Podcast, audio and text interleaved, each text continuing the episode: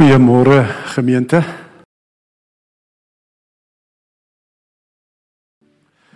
En die Here groet ons dan ook vanoggend met sy seën. Genade, barmhartigheid en vrede word ryklik geskenk van God ons Vader en ons Here Jesus Christus deur die kragtige werking van die Heilige Gees.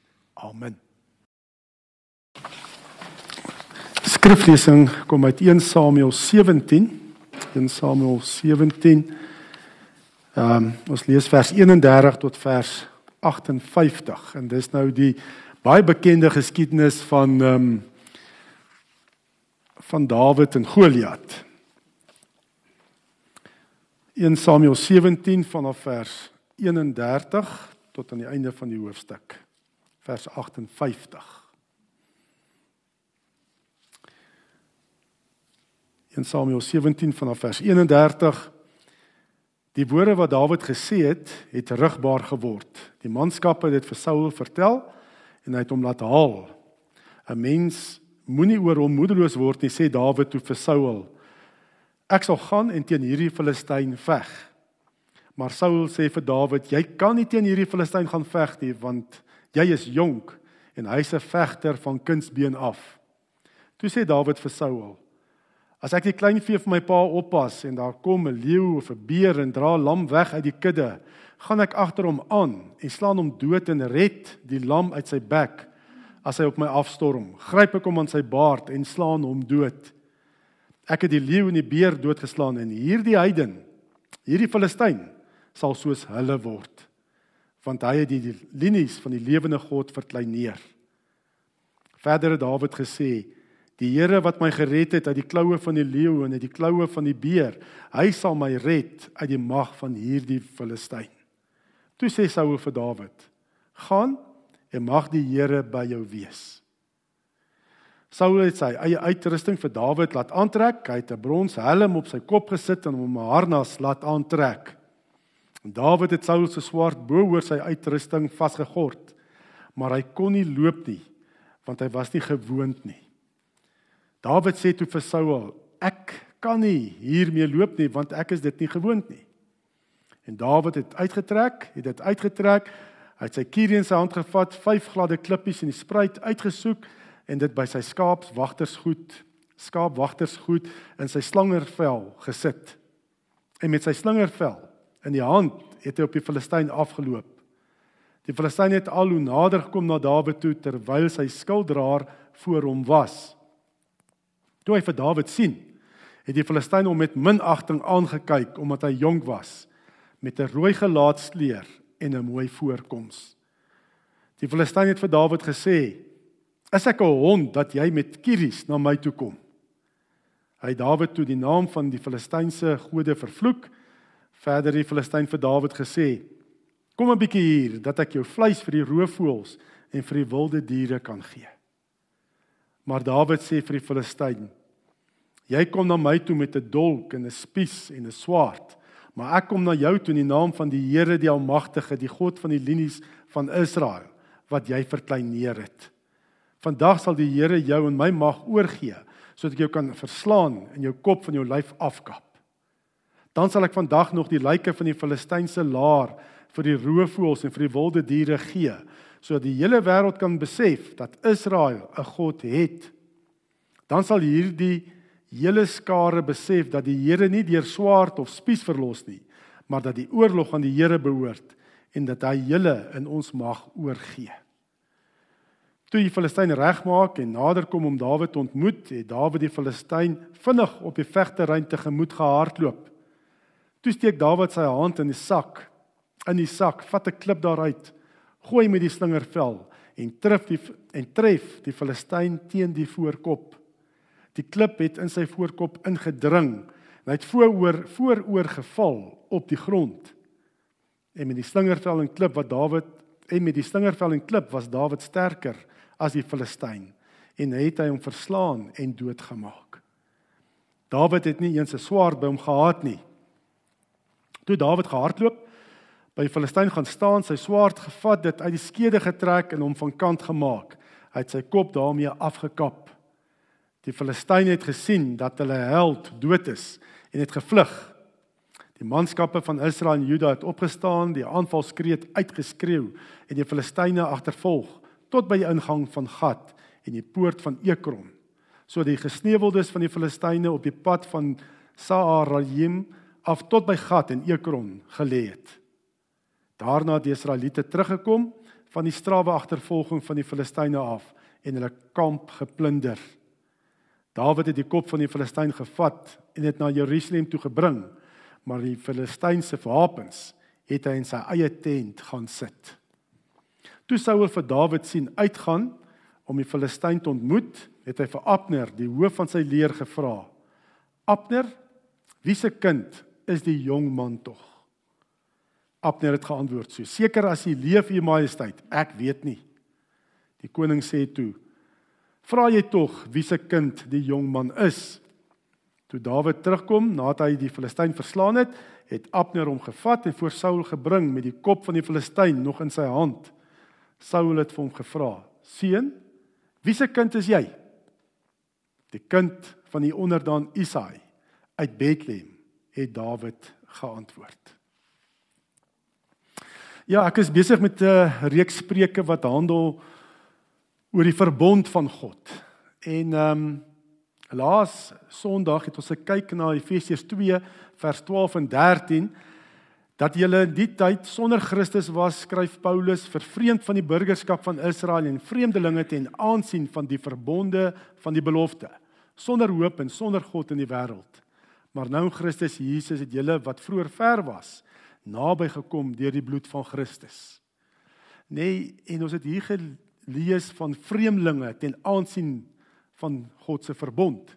Natuurlik verwys Paulus hierson na na die uh, mense in Efese wat eers nie geglo het in Jesus nie, wat nou glo in Jesus.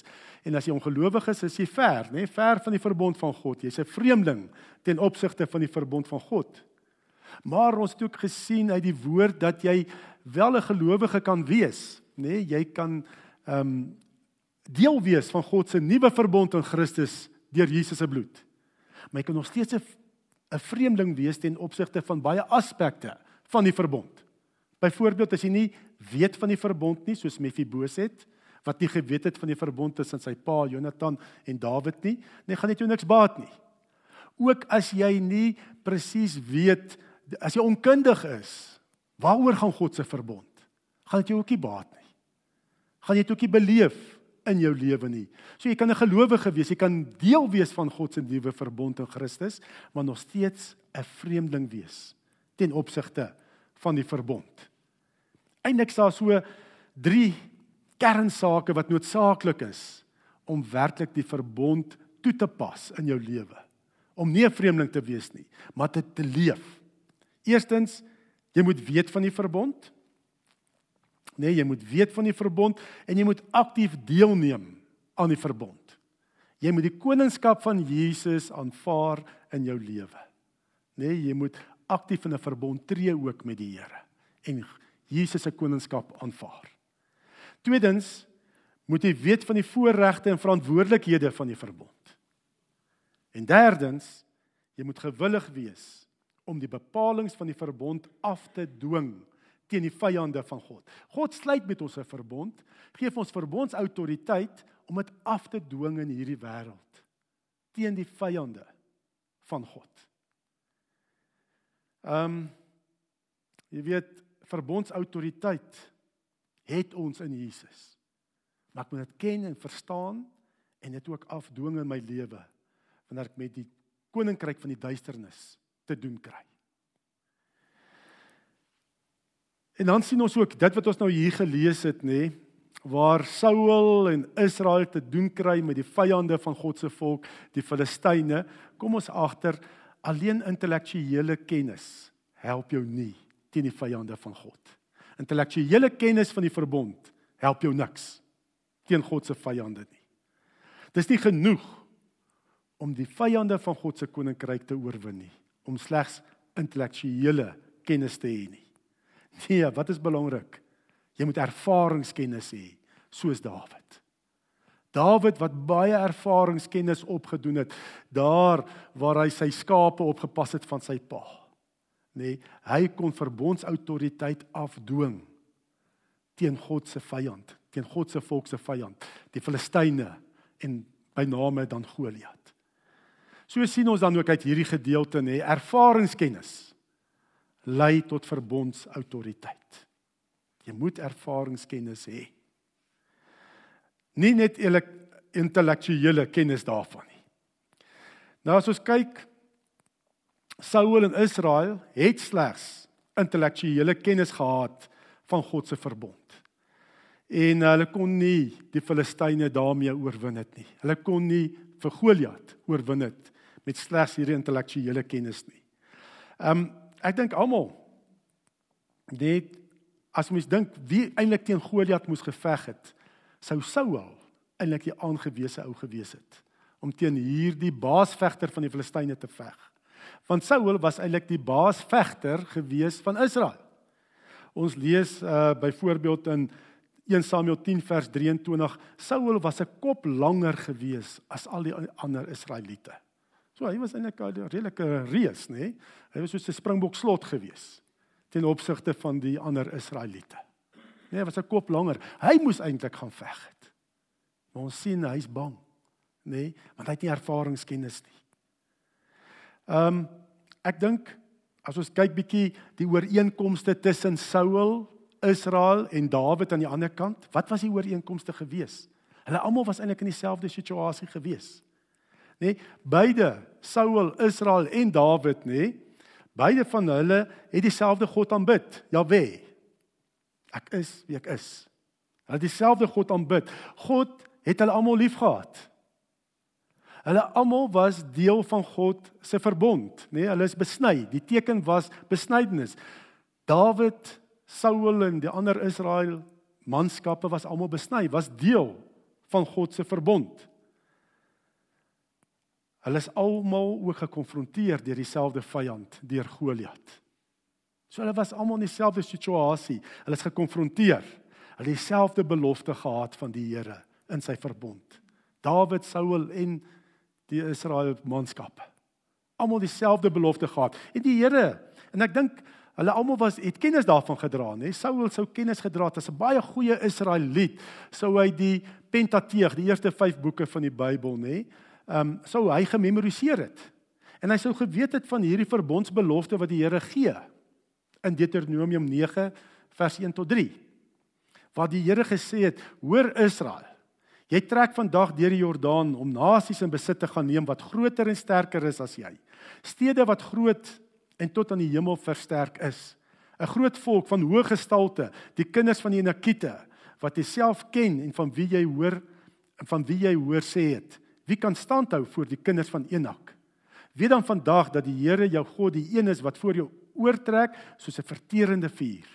Hy sal hulle vernietig en hulle voor jou onderwerp sodat jy hulle gou kan verdrywe en tot nul maak soos die Here jou beloof het.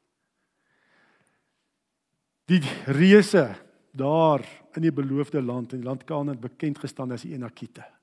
En heel waarskynlik was Goliat ook 'n enakiet. En wat sê die Here? Wat is die Here se verbond belofte ten opsigte van die enakiete?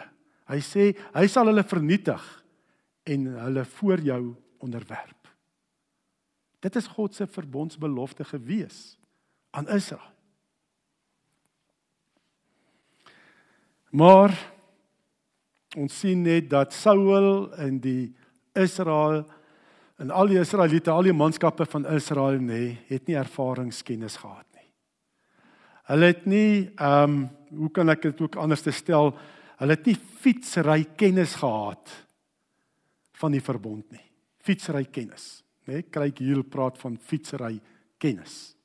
En ek wil dit verduidelik met die volgende voorbeeld van fietsry. Gestel jy kry 'n baie intelligente jong man of 'n jong dame ook, nê? ehm um, wat 'n studie gaan doen van fietsry.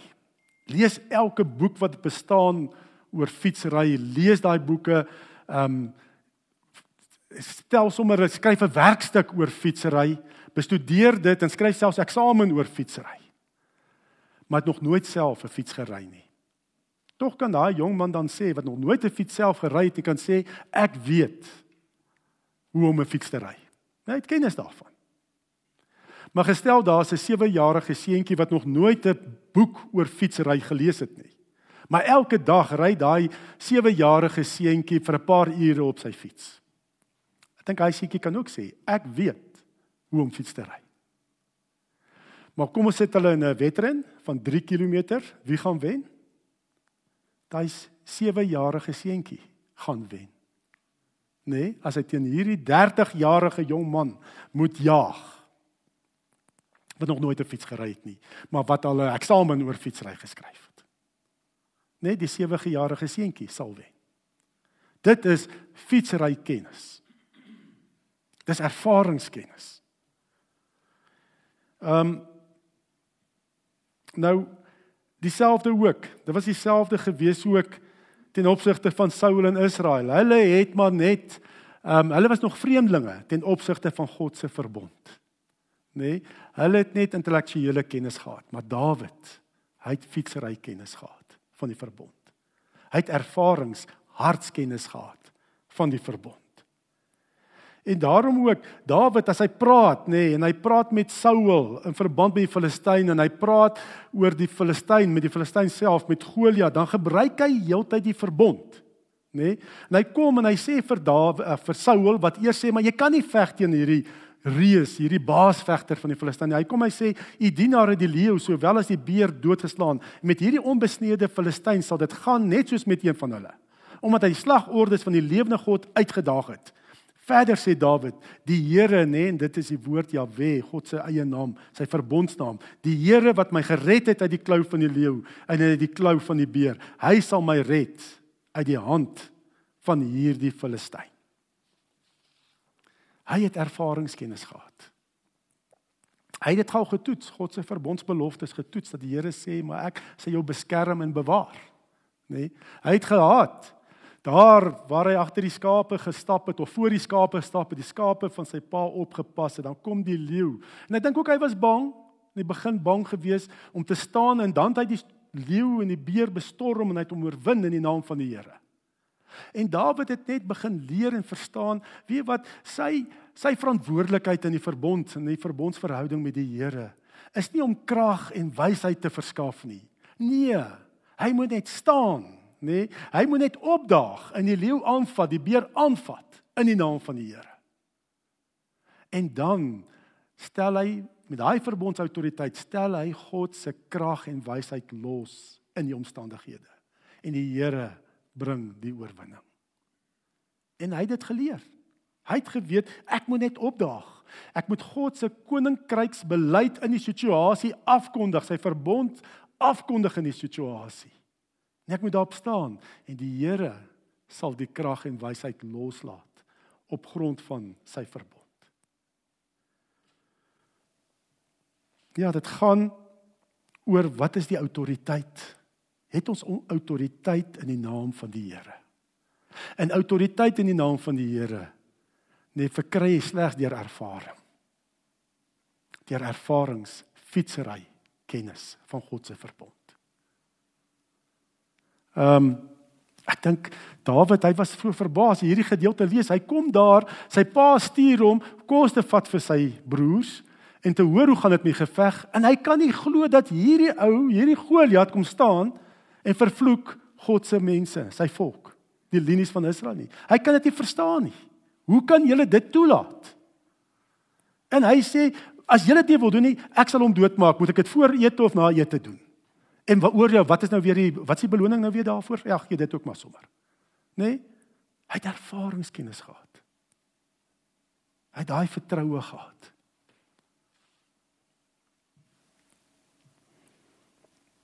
Ja, Saul, mense wat nie verbondsautoriteit het nie. So Saul in die manskappe van Israel wat nie daai verbondsautoriteit het nie want hulle het nie ervaringskennis gehad nie in situasies waar die vyand van God opstaan nê, sal gewoonlik vir jou vra, wat moet ons doen? Nê, wat gaan ons doen? Wat moet ons doen? Wat gaan ons doen? Ons moet 'n vegter kry in Israel nê, wat goed kan veg en wat sterker is as Goliat. Dis wat ons moet doen. Nee, en en baie keer is dit ook met ons as kerkmense so, nê? Ons het nie geestelike autoriteit teen die bose nie. En ons ons skrik eintlik en sê, "Wie wat dalk het die Here vir Goliat gestuur om vir ons nederigheid te leer, nê? Dat ons maar swaar kry, nê? En net uit die Here is uitgespaar deur die genade van die Here. Dit gaan seker om ons nederigheid te leer. Ons staan nie op nie. Want ons het die verbondsautoriteit van wie ons ervaring, daar's geen ervaringskennis nie. Geen fietsry kennis van God se verbond nie. En aanvaar ons omstandighede maar net soos dit is en sê ons is maar net uitgespaar deur die genade van die. Natuurlik is ons uitgespaar deur die genade van die Here, maar ons is nie net uit ons is nie net survivors nie, ons is oorwinnaars in Christus. Maar dan aanvaar ons maar net hierdie slegte omstandighede. Ek dink reeds in 'n tyd soos wat ons vandag beleef, waar mense bang is, nê, bang is en vreesagtig is oor hierdie pandemie. Bang is om kerk toe te kom. Né, kerk toe, ek dink nou snaaks, na die erediens toe te kom en die Here te ontmoet. Dis 'n tyd soos die wat ons ervaringskennis moet hê oor God se verbond. Om te kan opstaan en God se verbondsautoriteit in dit sal staan en sy krag en sy wysheid te laat manifesteer in ons lewens in omstandighede waar die Here ons geplaas het. Dit laat loslaat in ons lewens in ons huise in ons omstandighede. Maar hoekom is ons so vreesagtig? Daar's baie keer 'n gebrek aan ervaringskennis Ons ken God se verbond. Ons weet dit. Ons weet wat die Here sê in sy woord. Maar ons is vreesagtig. Ek sê ons moet onverantwoordelik wees nie. Staan as ons hier by mekaar kom, ons hou ons maskers aan, ons hou sosiale, ons is verantwoordelik. Maar ons is nie vreesagtig nie. Ja. Mense sonder fietsry kennis van God se verbond sal sê, wat gaan ons doen? Mense soos Dawid wat fietsry kennis het van God se verbond, nê. Nee. Wat ervaringskennis het, sal sê wat het God gesê? Wat het God gesê in sy verbond? As hy het gesê, dan weet ons dis wat God gaan doen ook. Wat het God gesê? Nie wat gaan ons doen nie, wat het God gesê? Want dit gaan hy doen dan.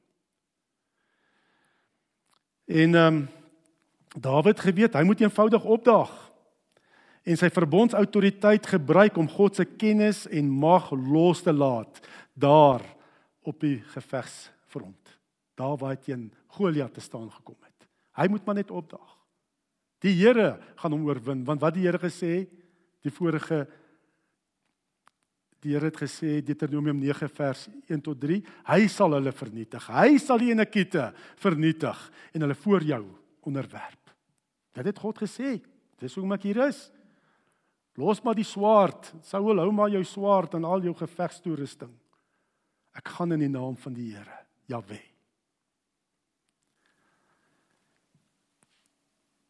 Die metode eintlik hoe die vyand van die Here verslaan moet word, maak nie saak nie. Dit nie gaan oor die slingervel nie, dit gaan oor die vyf klippies nie. Dit glad nie daaroor gegaan nie. Dit het gegaan oor God se verbond. Wat het die Here gesê? Ek dink ehm um, Dawid kon amper net gespoeg het na Goliat. Nee, en hy sou omgeval het. Sou dood neergeval het. Dit sou nie saak gemaak het nie. Dis verbondsautoriteit wat ons moet gebruik om God se kennis en mag vry te laat in ons omstandighede. En dan moet ons ervaringskennis opdoen. Nee, nie klein dingetjies. Nee, ons moet heeltyd elke dag lewe in terme van God se verbond. Alles in jou lewe moet jy beoordeel in terme van God se verbond. Want toe Dawid nou te doen kry met met uh, Goliat, toe sê hy vir hom: "Jy kom na my met 'n swaard, met 'n spies en met 'n lans, maar ek kom na jou in die naam van die Here van die leerskare." Nee, Here, verbondsnaam Jahwe. Wat jy uitgedag het, vandag sal Jahwe jou in my hand oorlewer dan sal hierdie hele menigte moet erken dat die Here nie deur die swaard en deur spies verlos nie, want die Here behoort want die stryd behoort aan die Here Jahwe en hy sal julle in ons hand gee. Heeltyd verbond, God se verbondsnaam. Jy het nie verbond nie, ons het die verbond met die Here. Jy's 'n onbesnedene, nê? Nee? 'n Heiden, die Hebreë staan daar onbesnede. Hierdie onbesnedene nar kan jy eintlik sê. Waarvan hy gepraat het. Ons het 'n verbond, jy het nie 'n verbond nie. En daarom moet jy terugstaan. En gaan jy verloor. en gaan die Here vir ons die verlossing gee. En dan moet ons dit opdoen, net hierdie ervaringskennis het Dawid natuurlik opgedoen, so ek nou 'n paar keer gesê het, nê, daar waar die effek daarvan, nê, waar hy God se verbond op het gestaan het, het dit nie 'n groot implikasie gehad op ander mense, dit was net sy lewe wat bedreig is. Net was half die kleiner dinge wat Dawid God se verbond toegepas het, sy verbondsautoriteit toegepas het, die klein dinge, daar waar net sy lewe bedreig is. En daai ervaringskennis gee vir hom ook die autoriteit waar groter dinge op die spel is, nê, God se verbond toe te pas. God God se krag, sy wysheid losgelaat kan word. Hier waar hy nou te doen het, nê, as Dawid hier verloor het, dan sou dit, dan sou die hele Israel verslaan gewees het. Elke Israelitiese gesin, nê, sou onderdane geword het van die Filistyne as Dawid hier verloor het.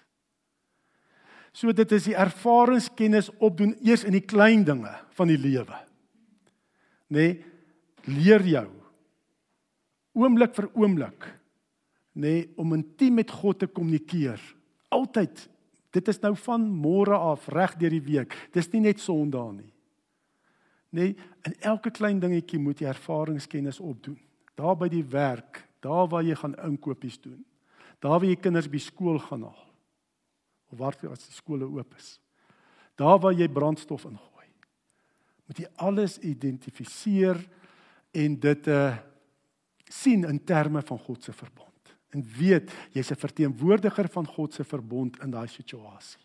En dan neem jy dan doen jy ervaringskennis op sodat 'n verbondsautoriteit sterker kan word waar die gevolge groter is, kan die Here jou net meer en meer en kragtiger gebruik.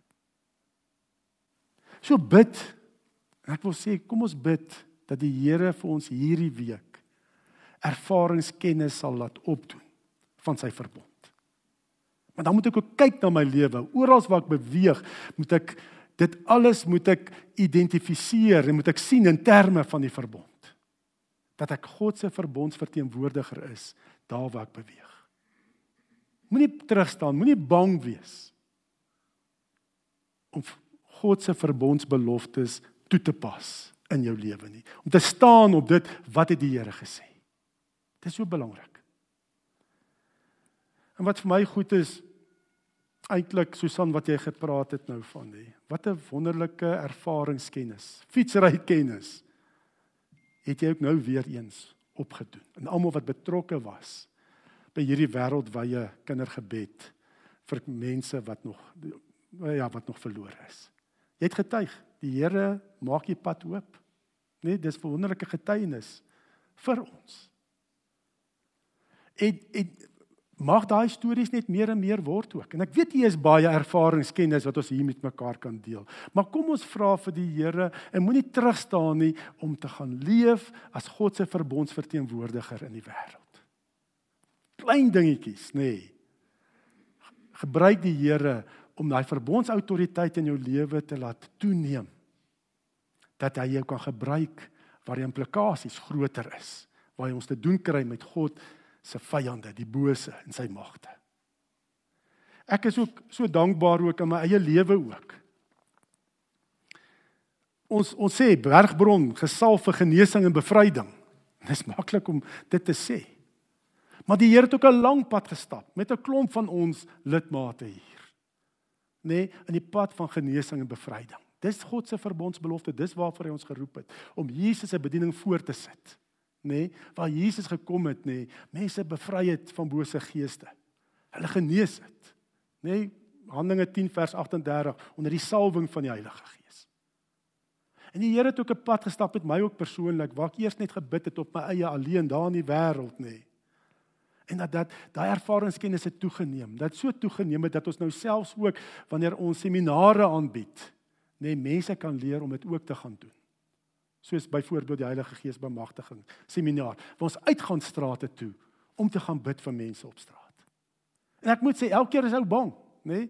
Voel amper soos 'n leeu en 'n beer wat op jou afstorm as jy daarna toe ry hier na die ehm um, parkeerareas van van winkelsentrums toe nê. Nee. Jy skrikkerig. En mens wil eintlik terug staan. Maar elke keer so bly wanneer ek weer ervaringskennis opgedoen het en ervaar het hoe die Here werk in en deur my en daai ding geroep vir genesing en bevryding dit laat gebeur. Mense bevry word van bose geeste, mense genees. Dis wonderlik. Moenie terug staan om ervaringskennis op te doen nie. Want dis wat ek ervaar in die kerk. Ons praat baie. Ons weet baie van die woord. Ons weet baie van die Here se beloftes. Maar gaan doen ons dit? Ek dink die hele brief Jakobus praat eintlik daarvan, nê?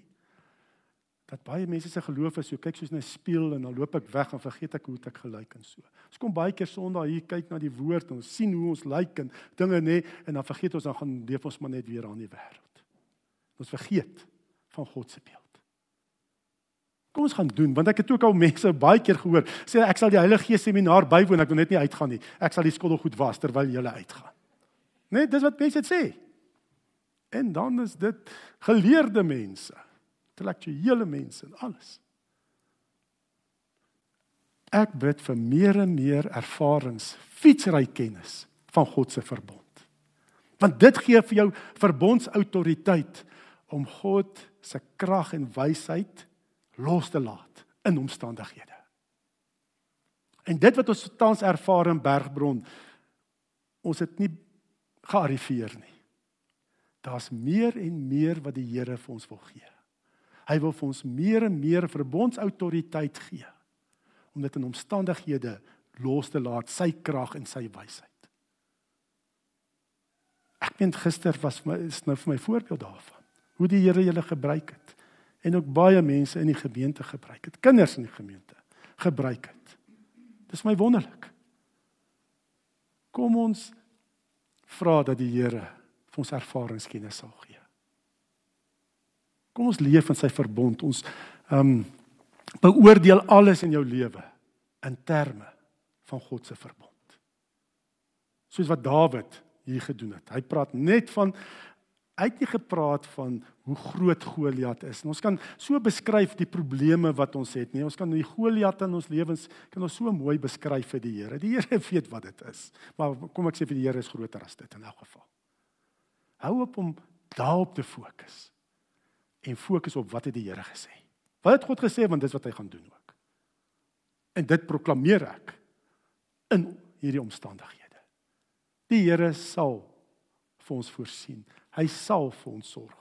Daar's nog mossies wat rondvlieg. Kyk na die mossies. Dan sê die Here ook, maar dan ek sal vir jou sorg. Kom ons bid saam. Here ons kom en vra Here ook hierdie week.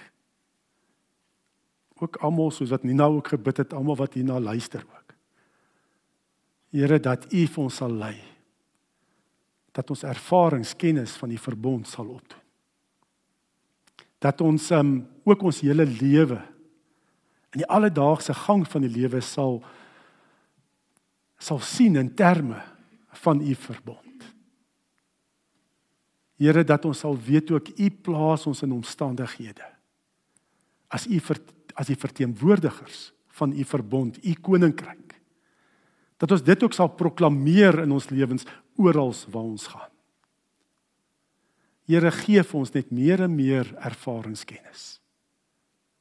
Sodat ons ook Here verbondsautoriteit sal hê en sal opstaan teen die vyande van u koninkryk. Dat ons in die naam van Jesus Christus mense sal bevry van sonde, van vestings, van waar die bose nog 'n invloed op hulle lewens het. Here dat hulle sal vrykom in hierdie bediening. Dat hulle ook sal genees, dat mense ook sal genees na liggaam, siel en gees in Jesus se naam. Dis waarvoor hy ons geroep het. En dis wat ons proklameer in Jesus se kosbare naam. Amen.